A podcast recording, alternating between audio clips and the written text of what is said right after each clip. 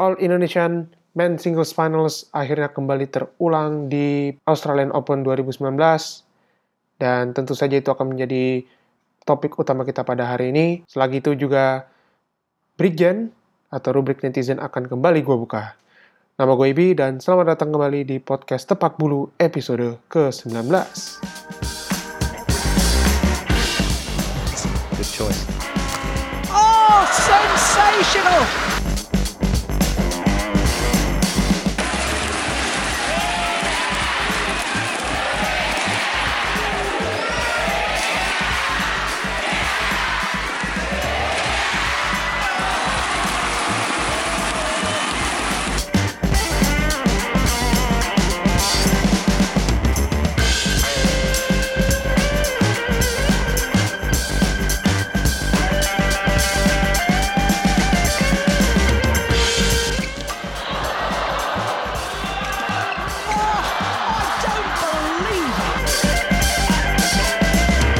Ya, di episode ke-19 hari ini, seperti yang tadi udah dibilang di intro, akhirnya kita mendapatkan gelar kembali di Tunggal Putra setelah sebelumnya banyak kritikan pedas muncul dan datang dari mana-mana.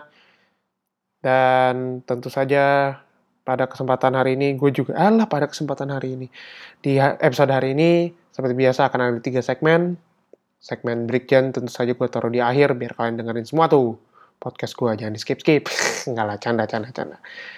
Tapi juga ya karena topik utamanya tentang tunggal putra jadi mungkin kalian akan tertarik mudah-mudahan. Terus apa lagi ya? Udahlah paling langsung langsung masuk aja ke segmen pertama.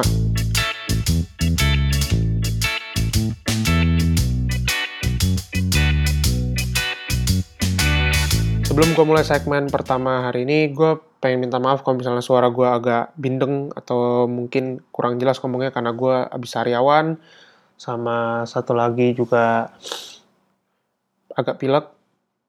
Tapi gue juga sekarang lagi nggak di Mannheim, gue lagi di Dortmund. Buat kalian yang tahu, Dortmund itu terkenal dengan bolanya juga. Jadi agak terbatas, editingnya juga bakal cepat. Dan ya, tolong dimaklumin ya. Oke, oke, oke. Nah, ya kita bahas dulu deh soal Australian Open kemarin. Jujur aja gue nggak terlalu banyak nonton itu karena gue lagi sibuk banget ngurusin buat ujian. Habis itu gue juga dari hari Jumat kemarin emang udah nggak di Mannheim karena gue kebetulan lagi jalan. Sekarang aneh ya, udah mau ujian tapi gue jalan. Bego, bego, nggak apa-apa lah.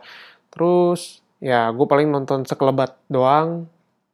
Paling gue nonton tuh kalau nggak salah pas final kemarin itu ganda campuran ada Ucok Melati ketemu Wang Ilu sama Huang Dongping. Gua rasa emang satu-satunya lawan yang sampai sekarang masih belum bisa mereka pecahkan kodenya ya itu pasangan kedua dari Cina. Ya gue sendiri sebenarnya ngeliatnya kayak gregetan, tapi ya kalau ngeliat secara keseluruhan sebetulnya ada peningkatan lah di sektor ini gitu. Meskipun sampai sekarang keempat pasangan utama yang ada di pelatnas mulai dari Hafiz Gloria, Ucok Melati, terus Owi Wini sama Rinov Pita ya belum pernah juara sama sekali di tahun ini tapi ya nggak apa-apa lah gitu. Paling tidak sering-sering dulu naik podium gitu. Tapi ngomongin soal Hafiz Gloria emang ada catatan khusus buat mereka karena sepertinya apa ya sebetulnya mereka main nggak jelek cuman kayaknya mental block yang sempat kayak udah mimpin 19-12 lalu tiba-tiba jadi kayak kebalap terus malah ujung-ujungnya kalah dalam dua set.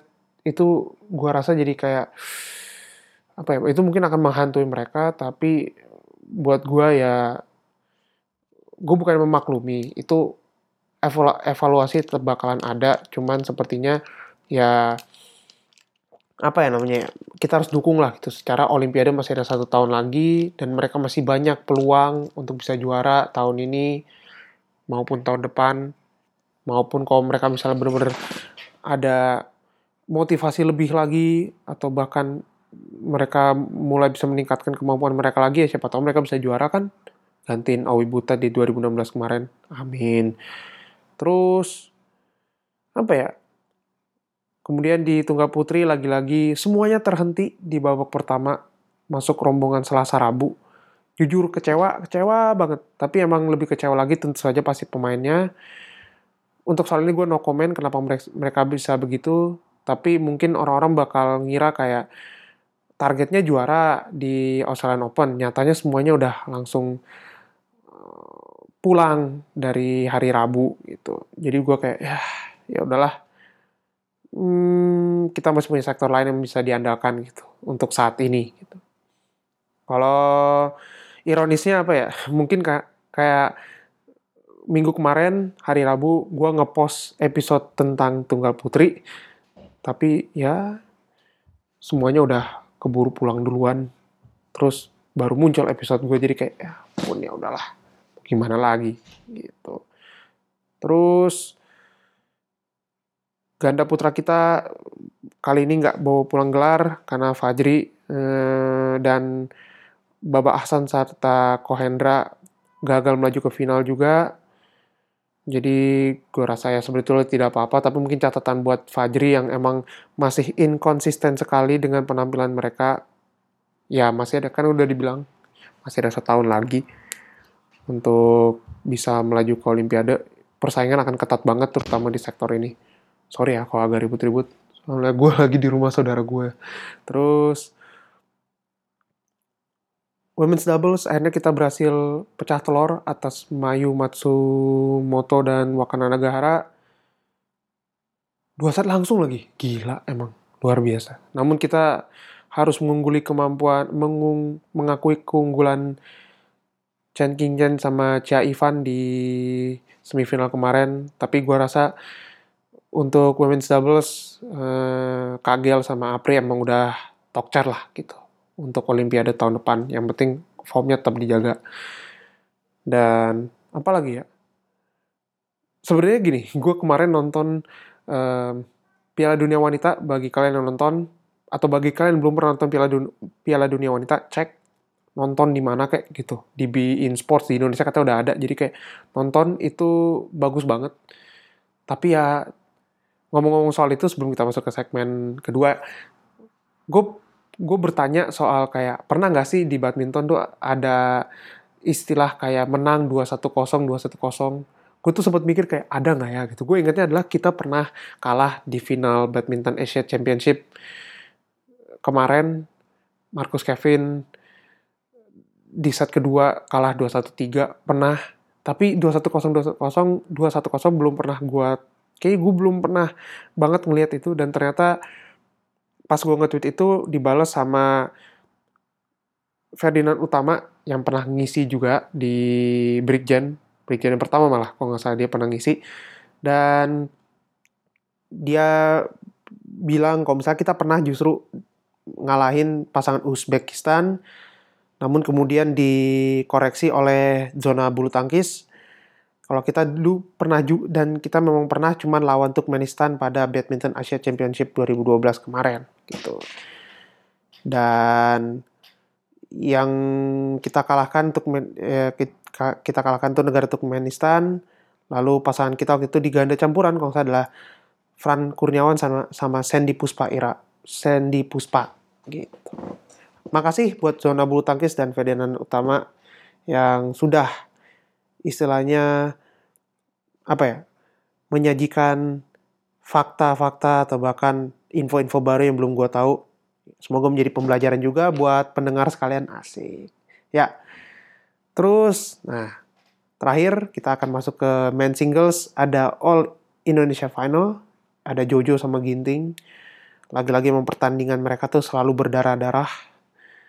Tidak ada kata apa ya menang mudah buat mereka kalau mereka udah ketemu dari lima pertemuan saat ini Jojo menang tiga kali dan Ginting menang dua kali. Terus ya gue sih cuma ngeliat sekilas waktu itu karena lagi di jalan jadi kayak nggak sempat nonton. Cuman gue rasa mm, itu pertandingan yang sangat bagus dari kedua mereka dari ke dari mereka berdua gitu. Ada lagi nggak ya mau gue omongin? Kayaknya cukup lah ya untuk episode uh, untuk episode untuk segmen satu kali ini. Langsung aja langsung masuk ke segmen kedua.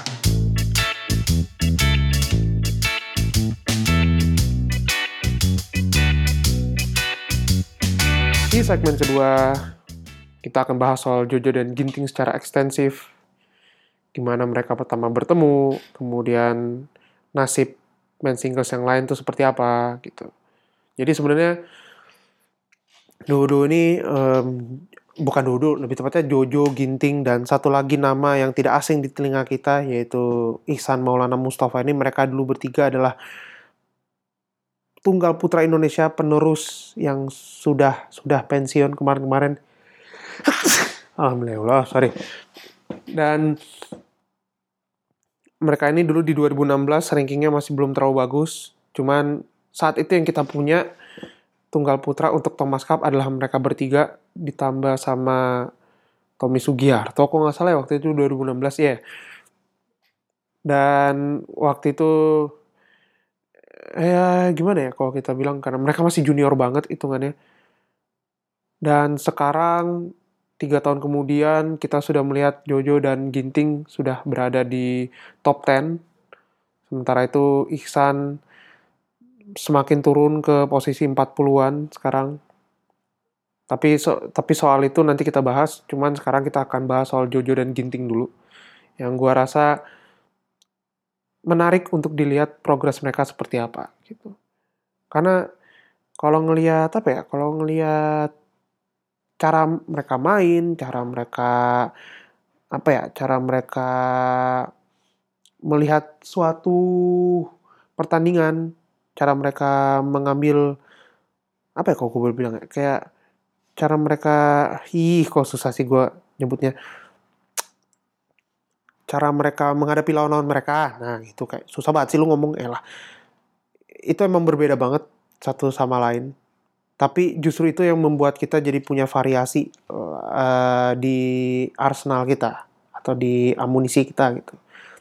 Dan saat ini gue kalau gue ngelihat siapa nomor satu apa ya tunggal putra nomor satu kita tidak melihat dari ranking, tidak melihat dari istilahnya rekor atau gelar. Ya, gue ngeliat sih Jojo. Secara dia lebih siap. Dia kemudian kalau tanding tuh nggak pernah istilahnya jarang buat telat panas gitu. Dan Jojo ini lebih kayak apa ya? Dia bagus dalam segi hal memainkan psikis lawan. Terutama ketika lawan Lindan kemarin itu brilian banget sih. Dia bisa uh, minta ngepel di saat-saat poin kritis gitu. Gue kalau kayak gitu selalu inget sama Kevin sih yang kadang suka flick serve ketika poin-poin kritis dan ternyata sering kali membuahkan hasil. Sementara kalau Ginting gue lihat lebih kayak penyabar mainnya. Dia mengandalkan speed um, dia lebih eksplosif Maksudnya kalau eksplosif ditanya siapa yang lebih unggul Jojo tapi Ginting lebih cepat speednya lebih ada drop shotnya lebih gila dibanding Jojo kalau gue bilang sih. Kalau kalau pendapat gue salah tolong dikoreksi selalu karena ini moto dari podcast sepak bulu. Siapa pun bisa mengoreksi siapa pun asal punya faktanya. Nah, itu yang penting. Terus kalau ngelihat dari gelar juga coba ya, coba ya. Gue nggak ngelihat pak, gue nggak ngelihat BF turnamen software. Gue gue inget-inget Ginting tuh pertama kali juara di level Super Series atau Super 100 sampai 1000 coba deh. Ginting lawan Jojo Korea Open Ginting yang menang berarti satu gelar. Abis itu Ginting lawan Kazumasa Sakai atau siapa ya di Indonesia Masters 2018 Ginting menang berarti dua gelar. Lalu Ginting ketemu Momota di Victor China Open. Victor apa Yonex ya? Pokoknya di China Open bukan yang Futso ya. Ginting menang. Berarti ada tiga gelar Ginting. Kalau Jojo Asian Games 2018, Australia Open sama New Zealand Open sama, sama-sama dapat tiga gelar. Jadi kayak dua-duanya emang baru memulai apa ya, baru memulai langkah langkah mereka untuk juara di turnamen-turnamen tertentu gitu.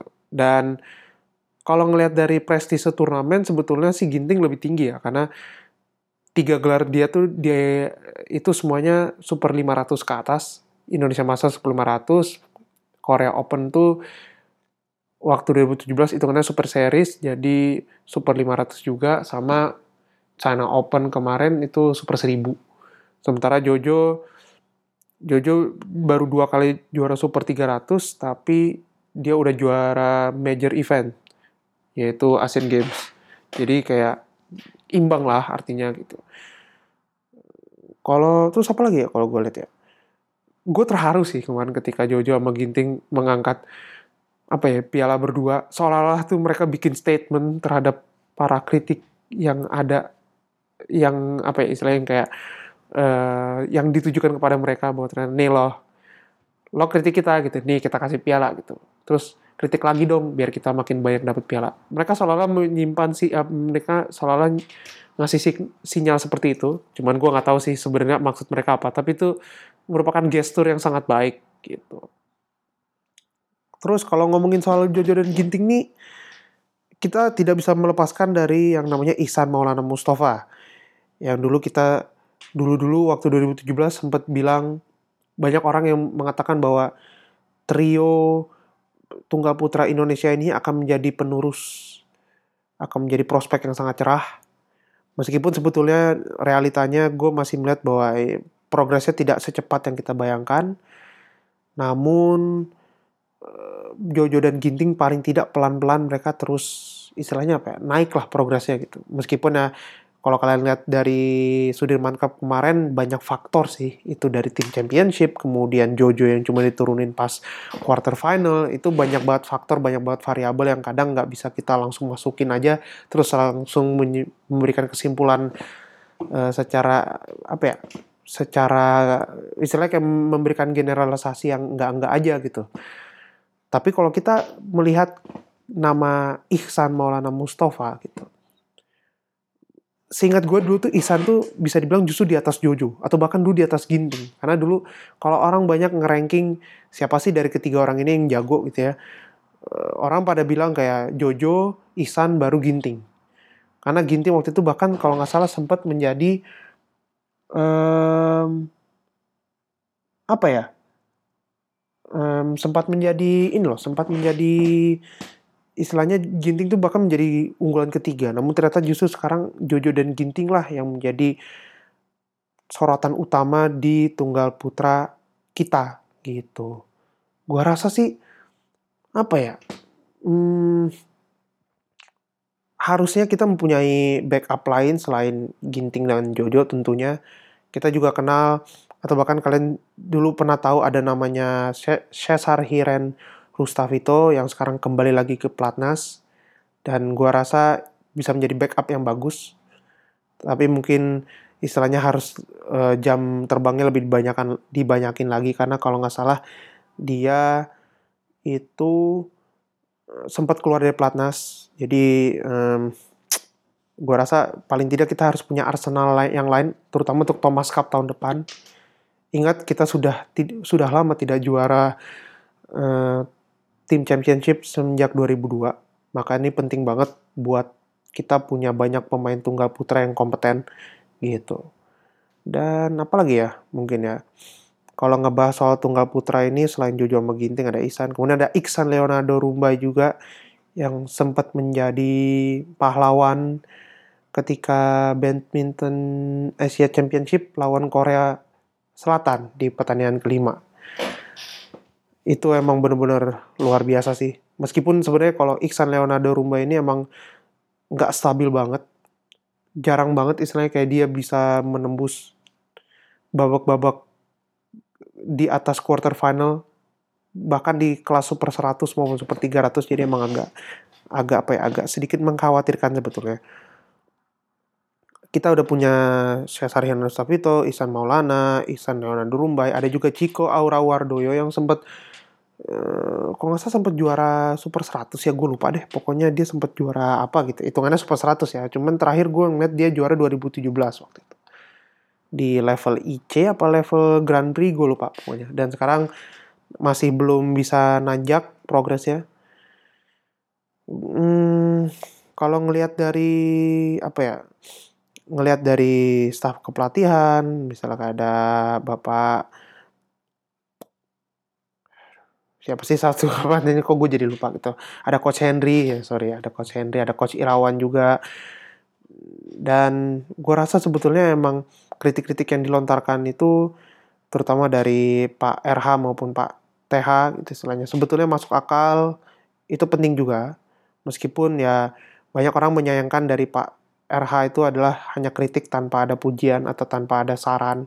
Sementara dari TH lebih realistis bahwa harusnya begini loh harusnya begitu loh gitu. Apa namanya uh, kritikannya ada tapi juga saran tetap ada gitu. Jadi kayak kalau kita lihat bahwa manusia itu emang butuh kritik dan saran gitu. Secara berimbang nggak cuma kritik doang atau nggak cuma pujian aja gitu.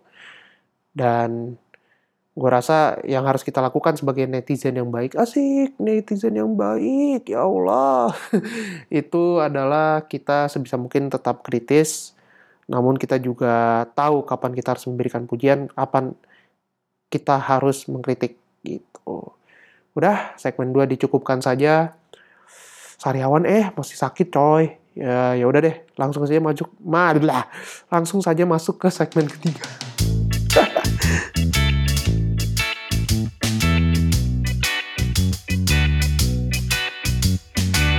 Di segmen ketiga hari ini, tentu saja Brigjen kembali dibuka.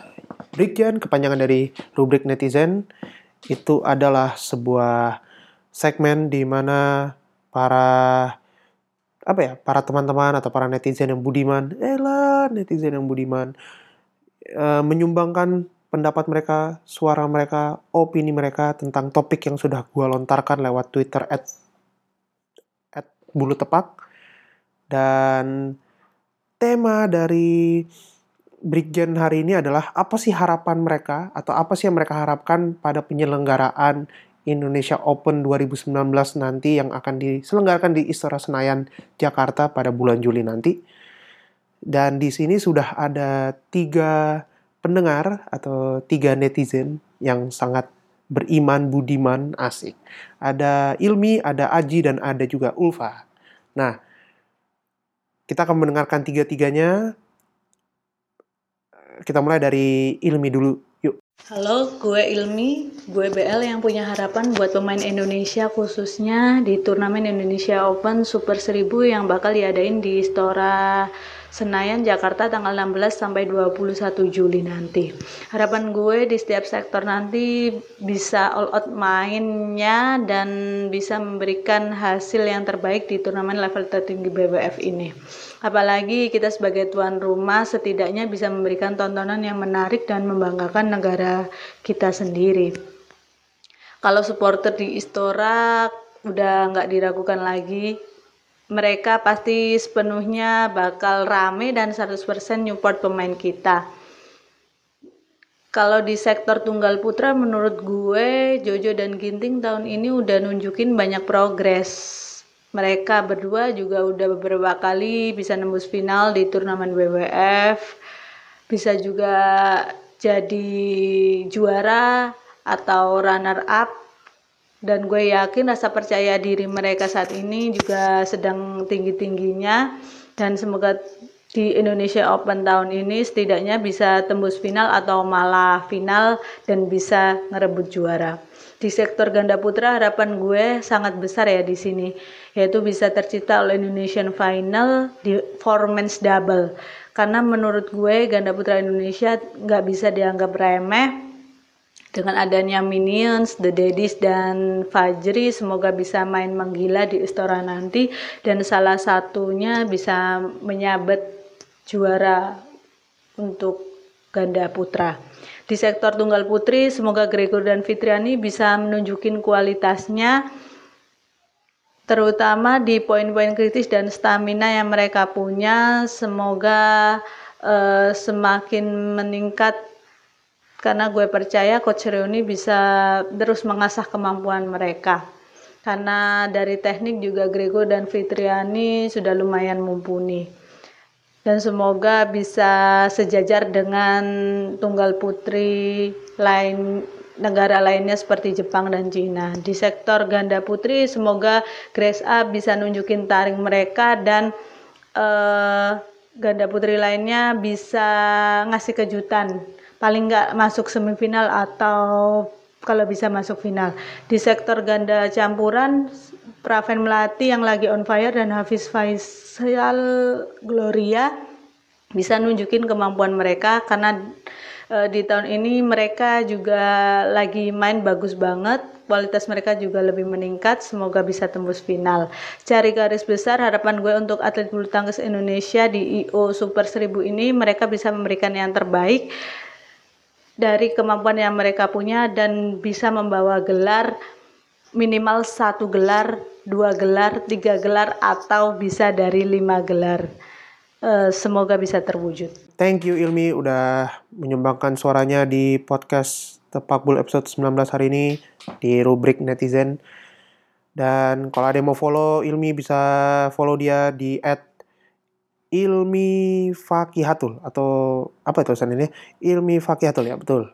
Dan sekarang kita akan dengarkan rekaman atau opini dari Aji Fergiawan at Tobias Jas 15. Harapan buat Indonesian Super 1000 besok menurut aku sendiri kalau ditinjau dari sektor ganda putra yang mana kita amat sangat punya kan sejuara seperti ada Minions, Asan Hendra, dan Fajarian yang ada di peringkat 6 besar BWF ya luasnya kita bisa juara dan harapan muluk-muluknya ada All Indonesian Final di sektor ganda putra itu sendiri.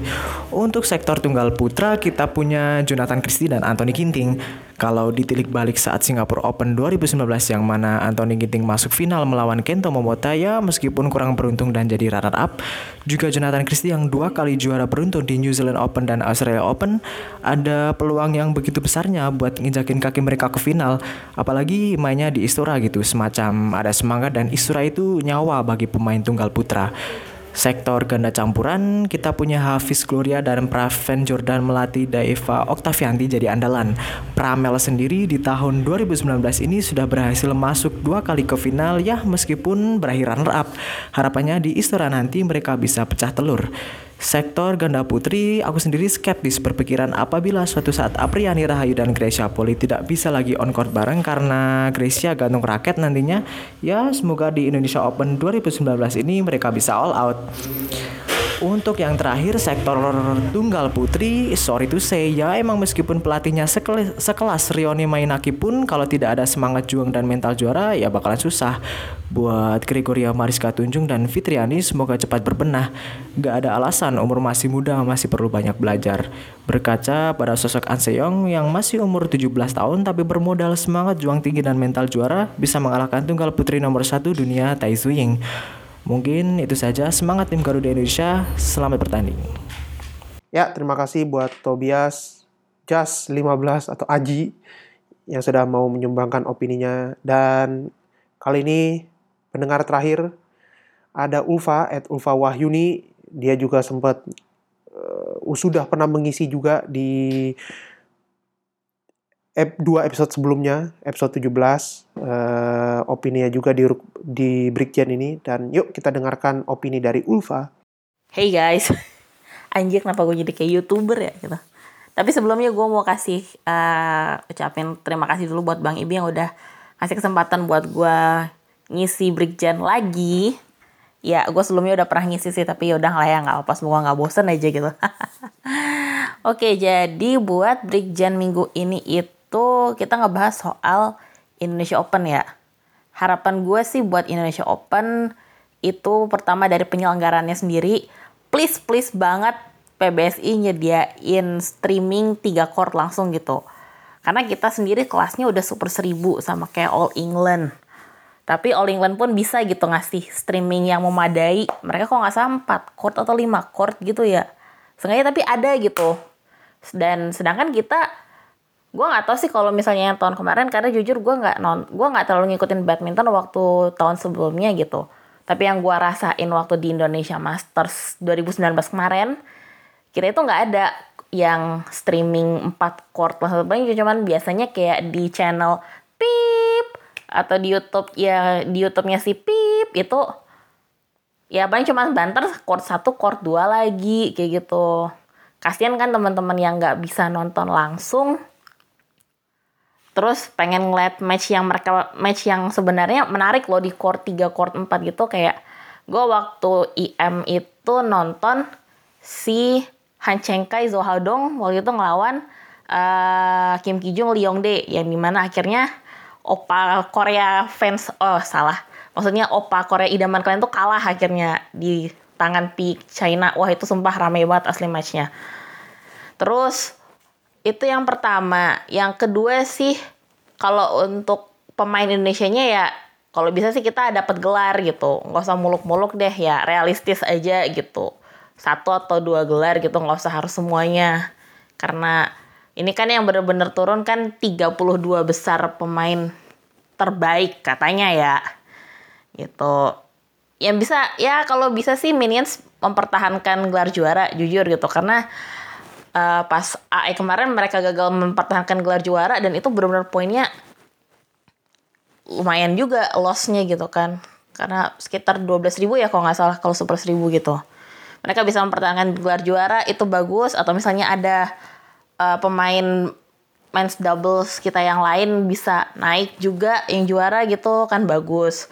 Kalau untuk sektor yang lain sih kayak bisa tunggal putra, ganda campuran atau ganda putri mungkin gak usah muluk-muluk ya paling uh, quarter final atau semifinal deh gitu. Kalau untuk tunggal putri uh, gimana ya? Nggak diusahakan nggak gugur dulu deh di babak awal udah gitu aja karena emang resikonya ya tunggal putri kalau nggak kalau kita tunggal putrinya unseeded pasti kemungkinan besar untuk lawan seeded players di babak pertama tuh sangat besar sekali gitu. Terus sih paling itu aja ya dari gua nggak ada lagi sih. Dah gitu cukup deh bang itu aja ya. Dah dadah gua mau makan dulu. Ya terima kasih buat teman-teman sekalian yang sudah mendengarkan podcast Tepak Bulu pada hari ini. Terima kasih buat Aji, buat Ilmi, dan juga buat Ulfa yang sudah mau menyumbangkan suara mereka, sudah mau ngerekam suara mereka untuk diperdengarkan uh, kepada teman-teman sekalian yang mendengarkan podcast hari ini. Asik. Jangan lupa subscribe podcast Sepak Bulu di Spotify, Apple Podcast, Google Podcast, Anchor, dan lain-lain. Jangan lupa follow Tepak Bulu di Twitter at Bulu Tepak, Instagram at Tepak Bulu, dan juga kalau ada kritik dan saran bisa email ke podcast.tepakbulu@gmail.com. Kalau ada yang mau ngobrol-ngobrol atau mungkin benar-benar kayak uh, apa ya bisa dibilang mau menjadi narasumber ngobrol bareng gua, sama gue rekaman juga bisa di email aja ke podcast tepak bulu. Nanti akan gue respon. Dan kalau ada saran siapa tamu untuk specials berikutnya. Karena sepertinya untuk sepertinya abis gue ujian nanti kira-kira selepas bulan Juli gue pengen apa ya gue pengen ngerekam specials. Gue akan mungkin akan undang dua tamu istilahnya gitu. Ya yang kemarin pollingnya sudah gue sebar di Twitter mudah-mudahan bisa terlaksana. Amin. Yuk dan sekian untuk episode 19 hari ini hari Kamis tanggal berapa nih ya? Tanggal 13 Juni 2019. Semoga hari-hari kalian menyenangkan. Semoga apa ya? Semoga aktivitas kalian dipermudah, dilancarkan juga. Dan sampai jumpa di episode berikutnya. Dadah.